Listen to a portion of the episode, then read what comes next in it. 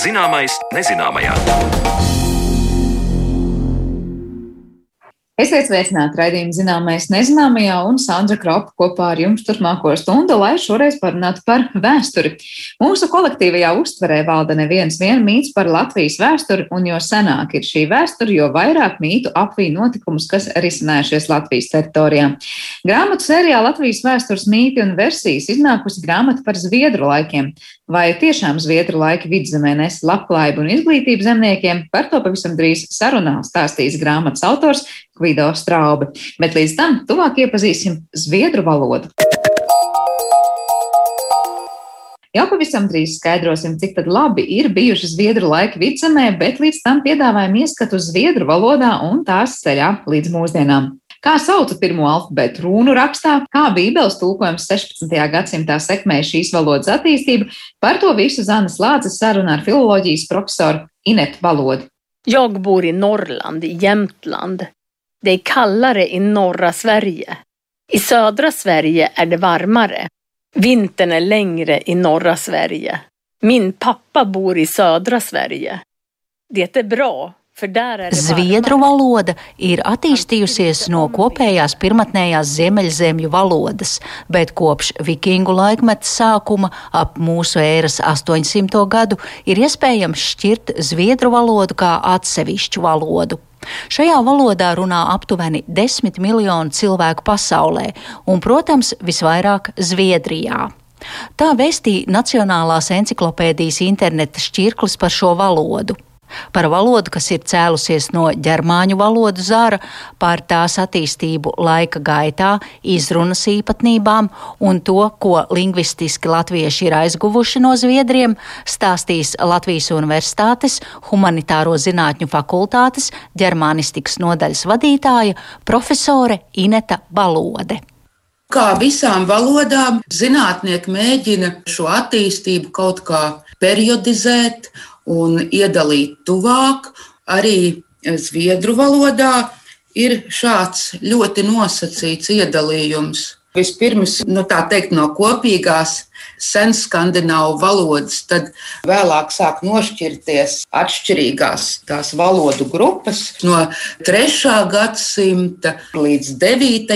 gadsimtam šo laiku datē kā kopīgo senskandināvu periodu, un no šā laika ir saglabājušās arī liecības. Tie ir senie rūnakmeņi ar runu rakstiem. Runu raksts tas bija citādāks, tur izmantoja īpašas zīmes. Runu alfabētu sauc par futārku, tādēļ, ka pirmie burti arī ir F, U, T, A, R, K. Un atklājas, ka Zviedrijā ir apmēram 50 liecības no šā senā perioda, kas vēl it kā ir kopīgs visiem tiem skandināviem. Un um, tolaik futarkā ir 24 zīmes. Un tāda nosacīta kaut kad notiek pāreja uz senzviedru valodu. Tātad pēc 9. gadsimta. Un visas šādas pārejas un attīstības posmus saista parasti ar eh, būtiskiem notikumiem, kas ietekmē valodas attīstību. Un, proti, šo senāko zviedru valodas posmu saista ar vikingu laikiem, kad parādās vikingi. Un mainās arī šis eh, futarks, samazinās zīmju skaits, izmainās dažas zīmes, dažas nāk klāt, dažas zūd. Lūk, tas ir tas eh, vikingu laiks, tā kā ir aizsākums, kad sāk runāt arī par zviedru valodu, vissenāko posmu. Pēc tam nākamo attīstības posmu zviedru valodā saista ar pirmo atrasto rakstu pieminekli, kas vairs nav tā kā gravēts runām, bet ir rakstīts latīņu burtiem, un tas ir tiesību dokuments, senais rietumu. Jota Landes novada likumi. Tie tad ir rakstīti ar latīņu burtiem. Un um, tālāk ļoti svarīgs attīstības posms ir Bībeles tulkojums. 16. gadsimtā Upsalā tiek izdota Mārtiņa Lutera jaunā derība zviedru valodā. 2000 eksemplāros iespiež grāmatu, to izsūta visām baznīcām. Un, protams, ka tāds iespiedu darbs ļoti ietekmē arī valodas attīstību. Tas savā ziņā arī vienādo valodu. Tas ir nozīmīgs posms ceļā uz um, to, ko mēs mūsdienās saucam par literāro valodu. Elvekungens dotter med utslaget hår. Elvekungens dotter räcker hand från sig. Kom hit Per Olof på dansen med mig. Inte tråde jag dans med dig. Min fästmö har det förbjudit mig. Inte jag vill Pārējot pie zviedru valodas izrunas un fonētikas, ir skaņas, kuras latviešu mēlēji ir visai sarežģīti izrunāt. Es no savas pieredzes atceros vārdu medmāsiņa, Hvētiška. Nu, ja, tas ir tāds bieži citēts vārds. Ja. Principā jau ir tā, ka tas, kas ir grūts, tas ir ļoti e, nosacīti. Grūti mums ir izrunāt, piemēram, to, kas nav mūsu valodā, vai ne? Un pat cik šī īpatnējā h skaņa latviešu valodā nav, tad uh, Viņu arī ir grūtāk izrunāt, bet ar š ir ļoti interesanti. Šis skaņa ir ļoti dažāda zviedru valodā. Piemēram, Stokholmas apvidū tur izrunā visai mums līdzīgu skaņu. Teiktu tā kā šī kšēteškie. Bet jo tālāk uz dienvidiem, jo viņa mūsu ausīm arvien vairāk līdzinās h skaņai. Tātad Nu, ir cita artikulācija, runas aparāts tiek citādāk iestatīts. Tad kaut kur jau Gēteborgas apvidū tas ir tāds huik, sjuksköterska, bet eh, vēl tālāk uz dienvidiem viņš vēl vairāk līdzinās h, ja tas š. Om man är sjuk är det bra att åka till ett sjukhus och träffa en doktor. Man kan också säga läkare Jag åker inte till sjukhus därför att min mamma är doktor. Vēl skatot uz zviedru valodas izrunu, kā ir ar patskaņiem, jo arī tiem ir citādas diakritiskās zīmes un tos izrunā citādāk. Nu, redziet, latviešiem ir ļoti grūti sākumā pierast pie tā, ka it kā ierasti burti apzīmē citas skaņas. Jo burts jau mums ir tikai simbols. Mums ir teiksim, burts A vai arī mūsu garais A, ko mēs īpaši apzīmējam, ko zviedru valodā neapzīmē ar diakrītisku zīmi. Bet jāatceras, ka burts ir tikai simbols, un aiz tā slēpjas bieži vien kvalitatīvi atšķirīgas skaņas. Piemēram, garais A zviedru valodā skan citādāk nekā latviešu garais A. Ir īsais A, mamma, un tad ir garais A, kas skan tā O, O. Un latviešu ausī bieži vien šis garais zviedru O atgādina drīzāk mūsu O. Līdzīgi, piemēram, ir ar burtu U.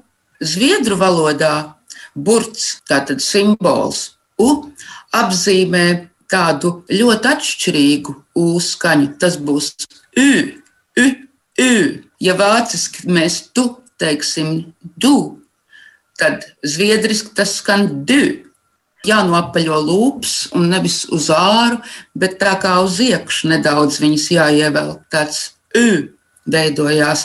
Un pie tā ir grūti pierast studentiem sākumā, jo savukārt u skaņu apzīmē burts o Tā kā turpinājumā mana kolēģe Sandra Kropa runās par zviedru laikiem Latvijas vēsturē, tad jautāja profesorei Inetai Balodei, vai zviedru valdīšanas posms mūsu zemē ir atstājis ietekmi uz latviešu valodu.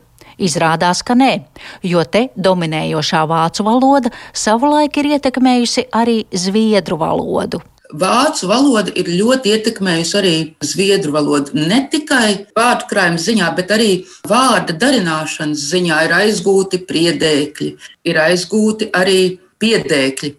un ir salīdzinoši liels aizgūto vārdu skaits.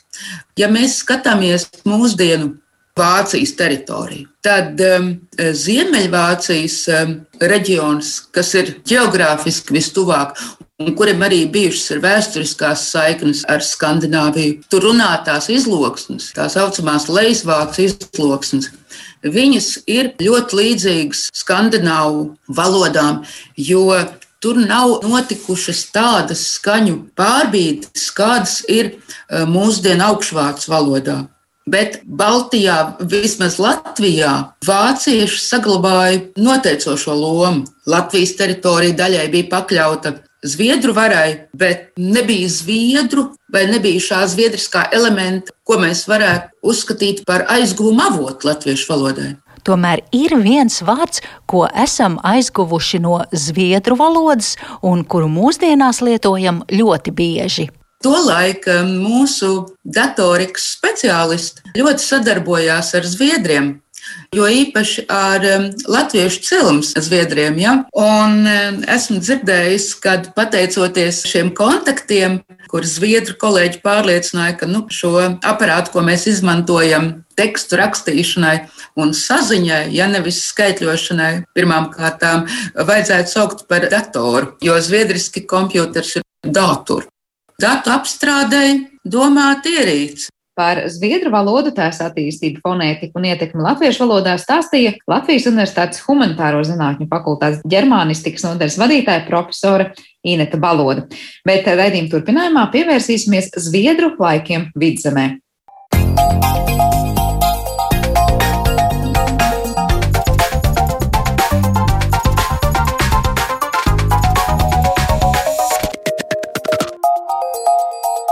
Zināmais nezināmajā. Klajā nākusi grāmata, kas ļauj citām acīm palūkoties uz vienu no Latvijas vēstures posmiem, par kuru sabiedrībā šeit dzirdam sakām, tie bija labi laiki. Vai Zviedru valdīšanas 17. un 18. gadsimta vidzemē no tiesas bijis labs laiks vietējiem iedzīvotājiem, to nesen izdotajā grāmatā apraksta vēsturnieks un Latvijas Universitātes Latvijas vēstures institūta direktors, kā arī Latvijas Universitātes vēstures fakultātes profesors un mūsu šīs dienas attālinātās studijas viesis Gvido Straubi. Labdien jums! Labdien! Tad grāmata ir nākusi klajā, un jautājums šķiet aktuāls. Tiešām tas, nu, gribas teikt, mīts, laikam, jau izlasot grāmatu jūsu par to, ka zviedru laiki ir bijuši, nu, tie labie laiki ir gana dzīvs. Pastāstiet varbūt par to, vai arī vēsturnieku aprindās, nu, šāds mīts ir gana dzīvs un aktuāls. At, nu, jā, laikam jau gan vēsturnieku aprindās tā mīta eh, sajūta, jeb, jeb eh, uzskats, ka tas patiešām bija tā, ka bija ļoti jauki. Tas jau kaut kādus gadus man liekas, pamazām izplēna.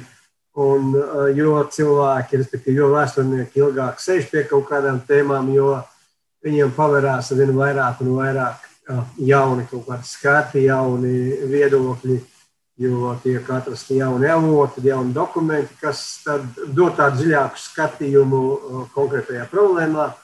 Līdz ar to pakāpeniski uh, tu sāc saprast to realitāti. Ja? Līdz ar to nu, varētu teikt, ka jau ilgstoši vēsturnieki par daudz ko uh, šaubās. Un tie, laikam, ir, ir šī projekta labā puse, kuras iniciators ir Zanderkungs, kurš tad uh, bieži kaut kādās sarunās dzird, ko vēsturnieki uh, saka, par ko šaubās, ko apsveic. Līdz ar to tā viņa ideja bija, ka vajadzētu uh, provocēt vēsturnieku, varbūt stāstīt par tiem jaunākiem atklājumiem, kas vēl nav uh, ieguvuši uh, to iespēju izpausties kaut kādās grāmatās, akadēmiskās, jo pie tādām uh, šobrīd tik laikam diezgan pagrūti. Uh, Tas valsts finansējums ir diezgan dīvains. Jā, tad šī tā, tā foršā iespēja, līdz ar to ir jāsaka paldies Aminori izdevniecībai, kura šo projektu ir uzsākusi. Šī mana grāmata jau ir trešā, kur tad vēsturnieki pastāsta tādā populārā valodā par to, ko viņi jauni ir atklājuši. Un, un, un kur varbūt ir salaistas kaut kādas kļūdas vēstures stāstījumā. Bet, ja mēs runājam par šiem zviedru laikiem, kā labajiem laikiem, kur jūs teikt, tās kļūdas ir radušās? Proti, nu, kur auga kājas tiem mītiem par to, ka tas laiks ir bijis nu, diezgan labs? Jā, tas kājas jau ir audzējuši daudz, daudzas iepriekšējās paudzes. Pirmie laikam sāka tas kājas audzēt baltvācieši, kuri pretnostatīja Zviedru laikus 17. gadsimtu, kad vidzeme nonāk Zviedru rokās, pretnostatīja iepriekšējiem poļa laikiem. Un lielā mērā tas bija tāpēc, ka tie vēsturnieki, kas pamatā 19. gadsimtā sāka rakstīt, Baltijas vēsturi, respektīvi Latvijas un Igaunijas vēsturi, tad viņi bija arī nu, teikt, pārliecināti, jeb, jeb, jeb nopietni, jeb dziļi luterāņi. Līdz ar to viņiem bija tāda zināmā alerģija pret katoļu laikiem, un tāpēc, ka pēc katoļu laikiem uz Zviedriem nāk luterānisms. Nu, jā, tā ir tā, tā paradīze zemes virsū un kāda laime. Beidzot, ir beigušās tās tie, ciešanas. Kuras jau vienreiz mēģināja reformāciju likvidēt šeit vidzemē, bet tad atnāca poļi, visu sabojāja Livonijas karā, un, un, un nu, tad atkal tagad ir klāts Zviedru, un atkal ir tā saulīta pāri vidzemi un prieks un laime. Līdz ar to viņi bija pirmie, kas kaut kāds kaiņas pieaudzēja šim mītam, pēc tam jau 20. gadsimtā lielā mērā nacionālā vēstures rakstniecība audzēja klāt šīs kājas, jo tur nāca no tas nākošais salīdzinājums 17. gadsimtam ar 18. ja krievu laikiem, kā sliktiem laikiem un, un, un, un sevišķi liberālā historiogrāfija šeit Latvijā starpkaru posmā un pēc tam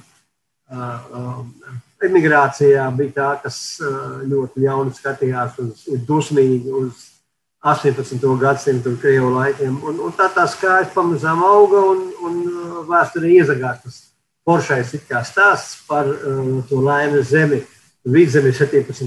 gadsimtā.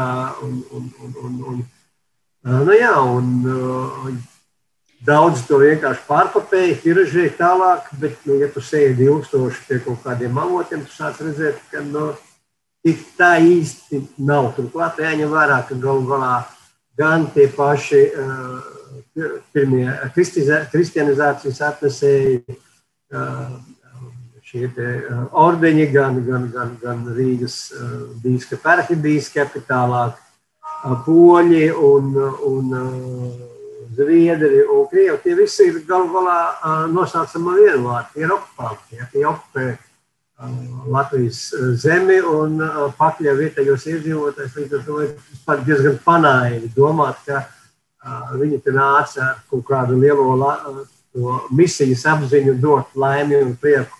Dabiski, ka viņi nāca ar ideju izmantot šo, šo zemi, nopelnīt, nu, tad pēc tam jau skatīsimies, kā tālāk. Tas ir skaidrs, ko jūs arī savā grāmatā rakstāt, ka tieši tā nevajag varbūt idealizēt un meklēt, eh, kur tad nāca speciāli izglītot vai labklājību veicināt. Tas tad ienācējiem šeit bija izdevīgi. Bet ir tādas vairākas pieturas zīmes, es pat teiktu, nu, par kurām varbūt runājot, liekas, nu, cilvēki var sākt domāt, ka tiešām tas bija tāds eh, laiks, kurā nu, kaut kas vietējiem iedzīvotājiem kļuva labāk vai labvēlīgāk. Un viens no tiem aspektiem ir zemnieku skolas, proti viens no aspektiem ir, ka Zviedru laikā mm, šeit vietējie iedzīvotāji vairāk tika izglītoti, un to izglītošanu tad veicināja Zviedri. Kur taisnība, kur jau pārpratums? Kas īsti notika ar tām zemnieku izglītošanas aktivitātēm Zviedru laikā vidzemē? Ja, nu, jā, jā, tas uh, skolu jautājums un zemnieku izglītotības jautājums ir viens no tiem uh, nu, uh, pamatakmeņiem, uz ko tiek būvēts tas mīts par labajiem zviedru laikiem. Un, uh, dabiski, ka daļēji tur ir uh, kaut kāda patiesība. Tā patiesība ir, uh, nu, varētu teikt, uh, no juridiskā aspekta, respektīvi Zviedru 17. gadsimtā vidzemē uh, par to domā un domājot par to arī meklē, kā to domu izteikt kaut kādos likumos uh, un varbūt arī mēģināt realizēt. Un pirmais par to aizdomājās jau Gustavs II Adolfs, kurš, kurš tātad uh, pabeidz to no Zviedru puses, to vidzemes un Rīgas un vidzemes uh, okupāciju, teiksim, tā skarbi varbūt un, un, un piekasīgi. Un tad, kad, kad šī zeme ir nonākusi uh, zem trim kroņiem, tad līdz ar to uh, Zviedrijas karalim ir tā interese, kas šeit ir un, un kas te būtu jādara.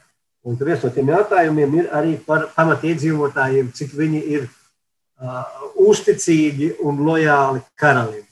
Un, uh, mēģinot to noskaidrot, ir tas diezgan uh, kritiskais, uh, nežēlīgais secinājums, ka uh, viņi ir diezgan švaki kristieši, ir, ir tādi jaukteņi, uh, sinkrētisti, kuri kaut ko sajēdz, bet ļoti maz no kristietības, ļoti daudz vēl turās pie, pie, pie savu tēvu uh, reliģijas, uh, un līdz ar to uh, švaki ar to visu lietu ir. Un tad tiek domāts, kā to darīt. Tā ideja, ka labs pavalsnieks un labs kristietis tas varētu būt cilvēks, kurš ir par tādu jāpatājas, kas to var izdarīt, to var izdarīt skolas. Līdz ar to parādās jau Gustavs otrā Adolfa laikā šī ideja par skolām.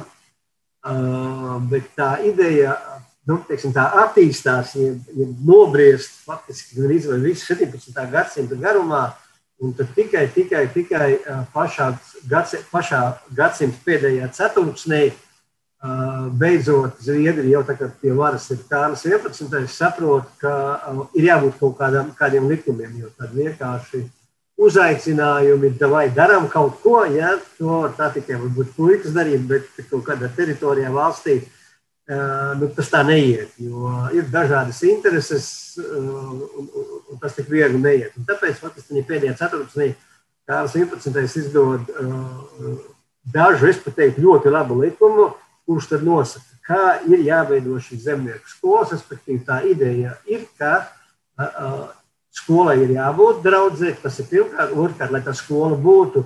Ir jāizdala ceturdaļa ārpus zemes, lai tad uz šīs zemes varētu uzbūvēt skolu un tur tā varētu mierīgi darboties, skolotājs tur varētu dzīvot, un šī zeme viņu arī daļēji barotu, daļēji barotu, tad šie skolas bērni ir draudzi, kuri tad piegādātu bērnus un, un, un, un par, par viņiem arī kādu naudu maksātu, bet daļēji arī mācītājs varētu tur uh, iesēt uh, graudus, un tad viņam būtu maize, dārzeņi, un viņš būtu paēdis un laimīgs un labs skolotājs. Bet, nu, līdz ar to tas likums ir, bet, diemžēl, liels grūtības ir ar tā likuma realizāciju. Sākotnēji gan Zviedru valdība pārmet mužniekiem, ka viņi izvairās no likuma izpildīšanas. Mužniekiem nav muļķi, viņi pasaka, ka mums jau te gan izvairs nekas nepieder, jo pēc mūža redukcijas, ko arī tas pats Kārls 11. realizē, lielākā daļa vidzemes mūža nonākušas kroņa tātad karaļa rīcībā, un līdz ar to nu, tad, tad tā iniciatīva jānāk no viņiem.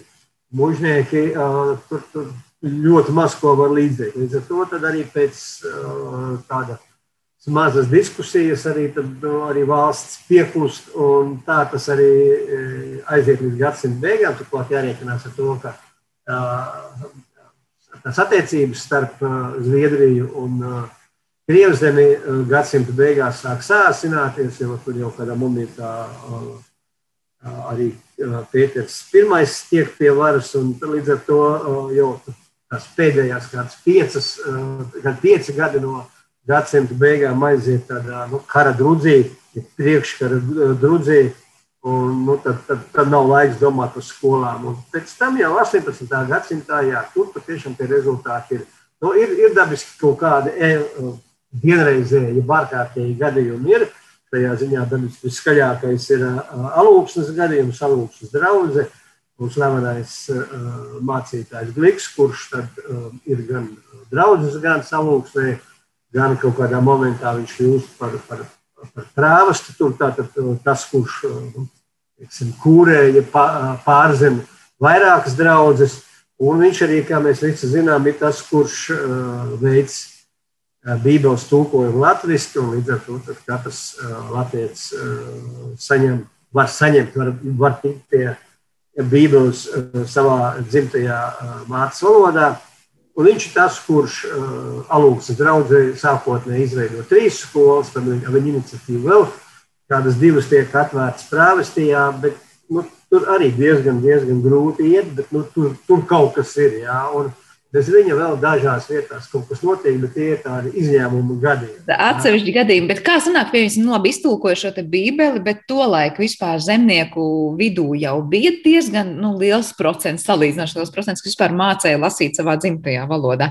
Vai neraugoties uz to, ka it kā tie centieni izglītot bija un, un tās vismaz uz beigām es no jūs teiktā saprotu, tās skolas vismaz kaut kā sāk funkcionēt, reāli to, to zemnieku vidū tā izglītotības nu, kaut kāds līmenis cēlās? Nu, jā, nu, tad, tad, tas arī tas viens no tiem mītiem ir, kas pat iegājis kaut kādā zinātniskajā literatūrā, ka uh, tam skolām it kā būtu jābūt, un, un līdz ar to katru gadu katrā draudzē desmiti un, un, un uh, kopumā simti un tūkstoši katru gadu apguva uh, abecas, iemācījās uh, lasīt, un līdz ar to ir jābūt tiem rezultātiem. Tas dīvainākais gan ir tas, ka, uh, ka mēs skatāmies. Uh, baznīcas vizitācijas gan 17. gadsimta beigās, gan 18. gadsimta teiksim, pirmajos 20 gados, tad eh, nu, ir ļoti grūti atrast kādu draugu, kur būtu eh, nu, tāds ieraugāms, ja vērā ņemams lasīt pretēju skaits. Līdz ar to eh, tas viens secinājums ir, ka ir ļoti švaki bijis ar, ar, ar tiem rezultātiem. Turklāt arī daudzās vizitācijās 17. gadsimtā mēs redzam, ka, ja arī tā skolas māja ir uzbūvēta uz tā ceturdaļa ārpus, tad ir tā lielā problēma skolotājiem. Tas ir, nu, varētu teikt, ļoti augsta līmeņa skolotāju deficīts, jo faktiski jau nav tādu cilvēku, kurus varētu likt pa šiem lauku skolotājiem. Ir kaut kāds moments, kad parādās ideja Vidzemes Lutheriskajai baznīcai, ka skolotājiem būtu jāliek vienkāršie nu, tā saucamie mazvācieši, ir vācieši, kas, kas, kas māk lasīt un rakstīt. Bet nu, pēc šī uzsaukuma nu, neviens nulle ir rezultāts ir nulle. Neviens cilvēks no, no, no Rīgas, jeb citām vidzemes pilsētām nepiesakās, lai strādātu par skolotāju. Acīm redzot, nu, vilinoši tas acīm redzot nebija. Nu, tas nebija ja nekāds. Nu, nu, tāds labais darbs toreiz. Jā. Turklāt, nu, acīm redzot, šiem vienkāršiem vāciešiem bija citi izaicinājumi. Līdz ar to skolotāji viņi nedavās. Līdz ar to, tur, nu, ja arī bija skolotāji, tad viņi bija švāki. Daudzi patiski strādāja kā skolotāji, bet paši īsti nemācīja lasīt, rakstīt. Un uh, zemnieks līdz ar to ļoti kritiski izturējās pret šādu skolotāju un savu bērnu uz skolu um, nelaida ir nesūtīja. Mm -hmm. Bieži bija tā, ka skolas bija tukšas. Dažbrīd mēs ieraugām, ka tā situācija ir līdzīga kā dažbrīd šobrīd Latvijas laukos, kad ir, ir, ir viens skolotājs un viens skolnieks tikai. Jā. Tā, kā, tā situācija ir ļoti, ļoti padrūma, bet tur ir tā problēma, ko ilgu laiku mūsu skolu vēsture ignorējusi. Tas ir tas, ka normāla uh, skolu sistēma var darboties tikai tad, ja tur ir valsts finansējums. Uh, tas ir, varētu teikt, tāds uh, Eiropas, ja pasaules atzinums, ja vēsturnieku atklājums, ka šī sistēma var darboties tikai tad, kad tā ir viena no valsts politikām izglītības jomā. Kamēr tas viss ir uz tādu no aicinājumu, no, saņemamies, darām kaut ko, tikmēr tas var būt dažreiz kaut kādi izņēmumi, bet tie nav ilgspēlējoši.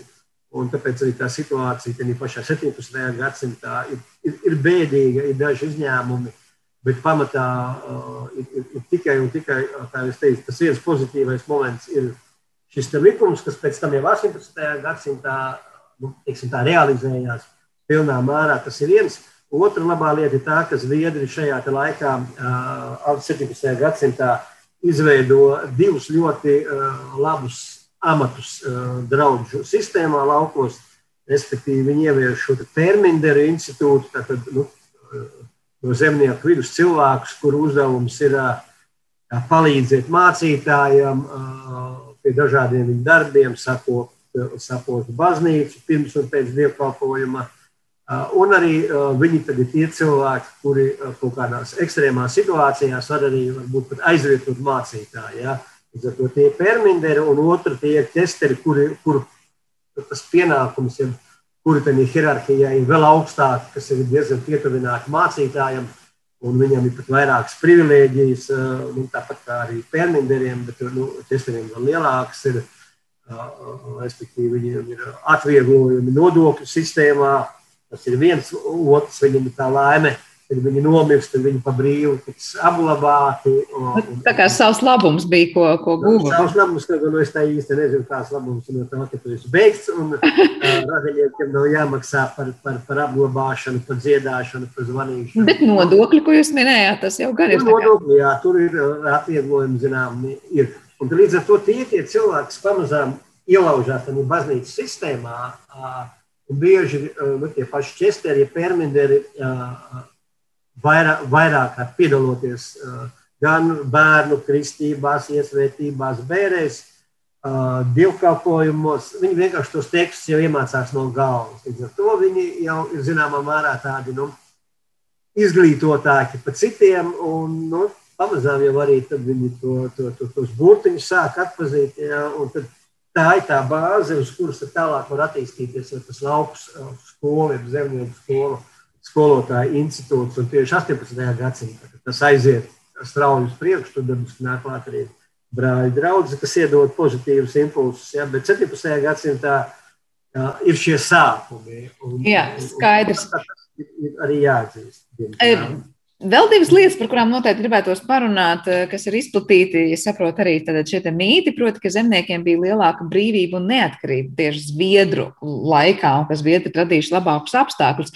Jūs grāmatas lapusēs lasīja, ka patiesībā, nu, tad, kad tur, kā saka, visu pārraudzīja Zviedrijas cilvēki, patiesībā daudzreiz varbūt tam zemniekam tie apstākļi bija gluži otrādi, pat ļoti nedraudzīgi un grūti. Kā tad tur īsti sanāk, kāda bija tā dzīves realitāte? Nu jā, tā, tas viens moments ir tas, ka tieši Zviedru laikos, ir sevišķi Zviedru laiku uh, beigās, uh, pēdējā uh, trešdaļā, pēc Zviedru realizētās mūžu redukcijas, respektīvi mūžu atsavināšanas par labu valstī, ja ir kroniem, daudzas mūžas nonāca nomnieku rokās. Un nomnieks dabiski nav tas cilvēks, kas ir ieinteresēts kaut kādā ilgspējīgā ilgspējīgā sadarbībā ar saviem zemniekiem. Viņš ir interesēts pēc iespējas uh, vairāk izsūkt no tās zemes.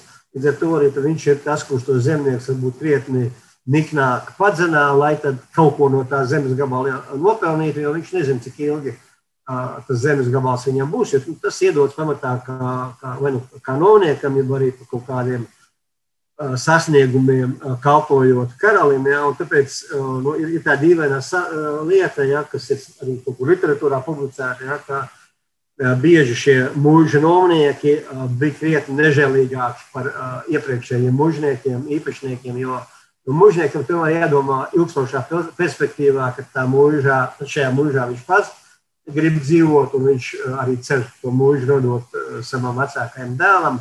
Un līdz ar to uh, viņš ir interesēts veidot tās attiecības daudz maz uh, teiksim, drošas. Uh, lai tad, uh, katru nākošo rītu viņš sa sagaidītu ar saules stariem, nevis pamostos, jau, jau nevis nepamostos vispār. Jo, ja tu būsi ļoti nežēlīgs, tad nu, tas zemnieks jau arī viņam pacietības mērs varbūt uh, kaut kādā momentā uh, nonācis līdz kaut kādam galam. Ir arī uh, laumais lokai tāds smuks vidzemes un kurzemes draugu kronikas. Tur arī ir viens tāds krimināls gadījums no 18. gadsimta, kur ir veca mužniece bijusi ļoti spītīga un ļoti pieprasīga un, un tāda no, galīgi neadekvāta. Un līdz ar to mūža kalpotāji latvieši vienkārši ņem un likvidē, ir nomuši, ir, ir, ir, ir precīzi nožļautas, pil, nosmacēs pilveniem un aizmūs kādā momentā tiem cilvēkiem arī tas mērs bija, bija, bija pilns, un, un viņi saprata, ka uh, dzīve tālāk uh, nav iespējama. Ja, līdz ar to uh, tomēr normāls mužnieks uh, darbojās samērā saprātīgi. Un arī to var ļoti labi redzēt. Šobrīd Latvijā ir jau pieejami diezgan daudz. Uh, varētu teikt, tās atmiņas ir tā literatūra, uh, kuru radījuši mužnieki uh, par savu dzīvi. Un tur diezgan bieži ieskanās šī nots, ka uh, ja tu gribi, lai ir normāla mūža attiecība, lai ir normālas attiecības iekšienē mūžas, tad, tad tur jābūt ir kaut kādam kompromisam. Es šobrīd turos pie šī vārda, ja ir jābūt mierīgai līdzās pastāvēšanai. Un, un, un ir daudz tie piemēri, ka faktiski tieši jaunā mūžnieka paudze, kad viņi ir bērni, puikas, ceļš vīrieši kāds Viņi patiesībā to savu jaunību aizvada tieši latviešu vidē. Līdz ar to viņi ar šo vidi ir diezgan, diezgan bieži sadraudzējušies un, un diezgan to labi izprot. Zinu labi latviešu valodu. Meitenēm varbūt bija savādāk. Viņām tomēr bija jau no bērnības jāpierod būt dāmām. Līdz ar to daudzīties apkārt pa, pa laukiem un, un, un nebija varbūt labi, bet puiši ļoti bieži kopā iet arī ar, ar, ar latviešu puišiem mužnieki pieguļās, zirgus ganīt un, un, un citās lietās. Līdz ar to viņi, viņi šo, vidi diez, šo vidi diezgan labi arī izprot. Tāpēc arī nevajag būvēt tur tās attiecības šaus, šausmīgi antagoniskas. Tā atkal ir vēstures problēma, jo kaut kādā momentā bija populāri zīmēt šīs attiecības ļoti sliktas, ļoti naidīgas. Nu, tik pa laikam dabiski gadās problēmas, nu, arī šodien mēs redzam, ka Uh, diemžēl policijai ir jāstrādā un, un, un cietumiem ir jābūt, jo ne visi ir gatavi paklausīt likumam. Jā, nu, tādi vienmēr būs. Bet, tā kā, jā. Patiesībā tad, no jūsu teiktā var saprast, ka tiešām nu, daudzos aspektos mums varētu būt tā, ka gribas domāt, ka bija daudz labāk nekā varbūt patiesībā bija tajā Zviedru laikā. Bet es gribēju jautāt, vai, piemēram, Igaunijā, kas arī bija šī Zviedrijas teritorija, tā situācija bija līdzīga? Identitāte? Jā, diez, diezgan, ja pat ļoti sevišķi, ja mēs skatāmies uz Igaunijas to dienvidu daļu, jau tā saucamo, kā, kā vēsturnieks Edgars Dunsdorfs saka, lielvidzemi, tātad Pērnava, Tartu, viss šis gals. Ja, tātad, tas, tas jau bija faktiski visu 17. un pēc tam arī 18. un arī 19. gadsimtu ļoti orientēts uz Rīgu un, un, un, un faktiski tikai Tallinas, nu, vēlāk Brēveles, toreiz guberņi, tātad Ziemeļigaunija, tā bija tāda vairāk, nu, Igaun, nu, neteiksim igauniski, bet nebija tik, tik atvērta pret latviešu daļu, kamēr šī dienvidu Igaunija bija ļoti atvērta pret Latvijas daļu, latviešu vidzemi un, un Rīgu, jo patiski arī tie viena liela daļa to ekonomisko sakaru, balstījās uz Rīgu, jo Rīga bija krietni lielāka pilsēta par Rēveli, un, un līdz ar to tur, tur bija normāls tirgus. Tur varēja labāk pārdot, un līdz ar to labāk nopelnīt. To, un arī tas attālums tur nebija neko īpaši tālāks nekā līdz Stalinai, tāpēc bija izdevīgāk viņiem braukt, sevišķi no pierobežas. Viņi bija, no, faktiski viņi daudz arī, pat vēl, es nezinu, kā šodien, bet es atceros savu bērnību, kad es vēl dzīvoju Vāmērā, tad bija tomēr bieži man gadījās, pierobežā satikt Igaunus, kas mācīja latviešu. Līdz ar to viņi nu, zināja, ka jā, Latvijā ir, ir, ir, ir labāk, ir lielākas iespējas nopelnīt, var vairāk nopelnīt un uz, uz tirgiem braukt. Tā kā, tā kā tā viņa dzīve bija vairāk orientēta uz Rīgu nekā uz šodienas galvaspilsētu. Kā pie... Jā.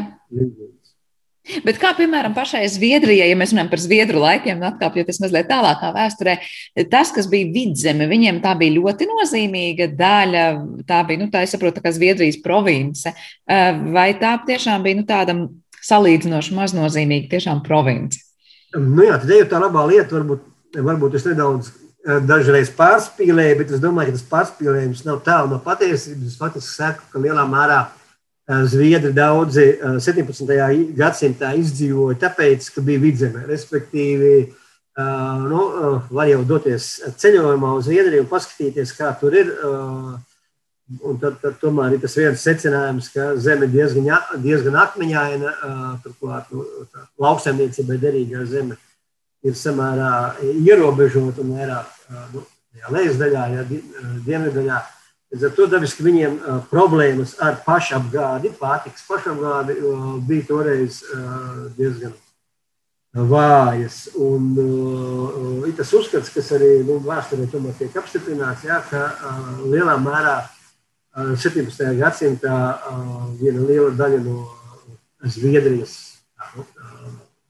lauksaimniecības pārtikas kas nāca tad, pamatā maize, graudu pienāca no Baltijas jūras šīs puses, no uh, vidzemes uh, laukiem. Ja. Līdz ar to varētu teikt, ka mēs nu, priekš viņiem bijām diezgan nozīmīgs, nozīmīgs faktors, jo nu, ļāvām viņiem labāk attīstīt viņus labāk. Un, un tā kā viņiem ir, mums jāsaka liels, liels paldies. Tā kā esam barojuši lielo Zviedriju kaut kādā mērā noteikti vēstures perspektīvā skatoties, bet pēdējais jautājums no manas puses jums, diemžēl, jāliek punkts šai sarunai.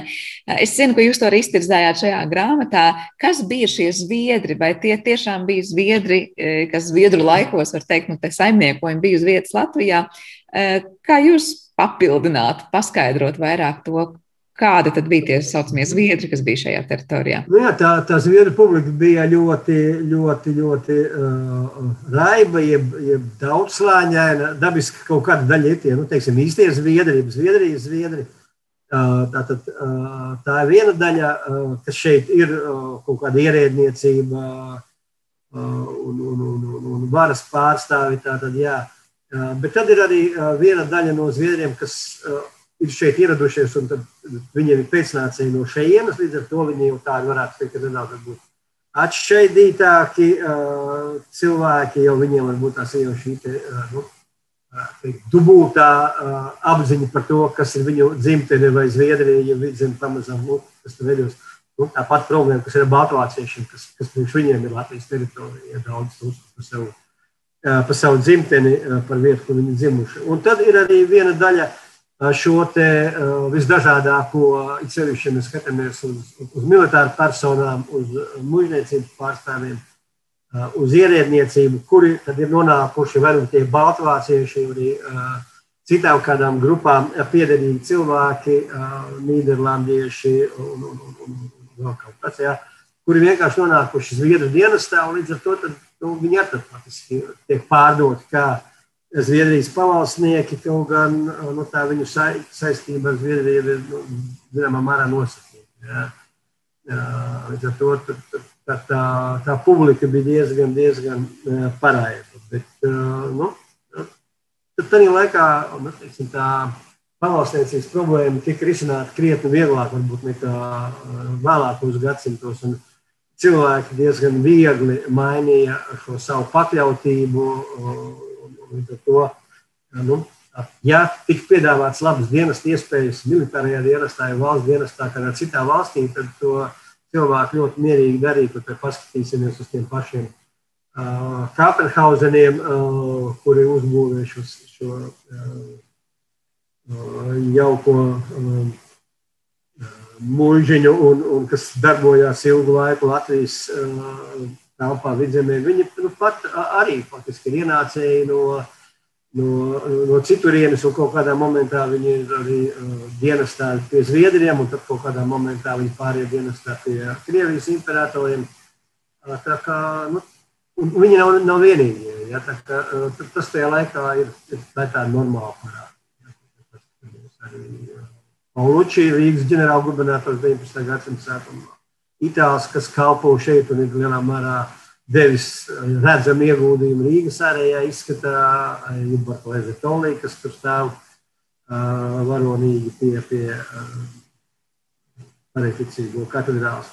Šādi piemēri, kur cilvēki ar citu izcelsmi ir kādā valstī ienākuši un iedzīvojušies un nu, turpina kalpot, tur, turpinājuši kalpot un bijuši kā savējie. Jā, tad raiba publika, raiba notikumi patiesībā ir bijuši šajos gadsimtos, un kas ir interesanti, ka arvien vairāk izgaismam šos mītus par to, ka varbūt, jā, vienu laiku ir bijuši labāki par citiem, tikai tāpēc vien, ka skatāmies to salīdzinājumā, bet, kā jūs teicāt, jebkurā gadījumā ienācējs šeit nenāca ar vēlmi kā saka, izglītot vai attīstīt un uzlabot tieši vietējo iedzīvotāju dzīvi. Tas viss bija domāts par savu labumu, un kā jūs arī teicāt, un Zviedrijas laiku gadījumā patiešām vidzemes eh, faktors bija gan svarīgs, lai Zviedrija tiešām arī sevi pabarot. Eh, Lielas paldies jums par šo sarunu, un atgādināšu, protams, ka daudz sīkāk un smalkāk visi šie jautājumi ir skatīti nesen klajā nākušajā grāmatā, kuras autors Vido Straubi kopā ar Māru Zanderu rakstīja šo grāmatu. Šajā pusstundā teikšu jums lielu paldies, ka bijāt mūsu šīs dienas attālinātās studijas viesis un atgādināšu, tātad, ka vēsturnieks Latvijas Universitātes Latvijas vēstures institūta direktors un Latvijas Universitātes vēstures fakultātes profesors Vido Straubi šodien viesojās raidījumā Zināmais nezināmajā. Ar to arī raidījums ir izskanējis, par to parūpējās producenta Paula Gulbīnska.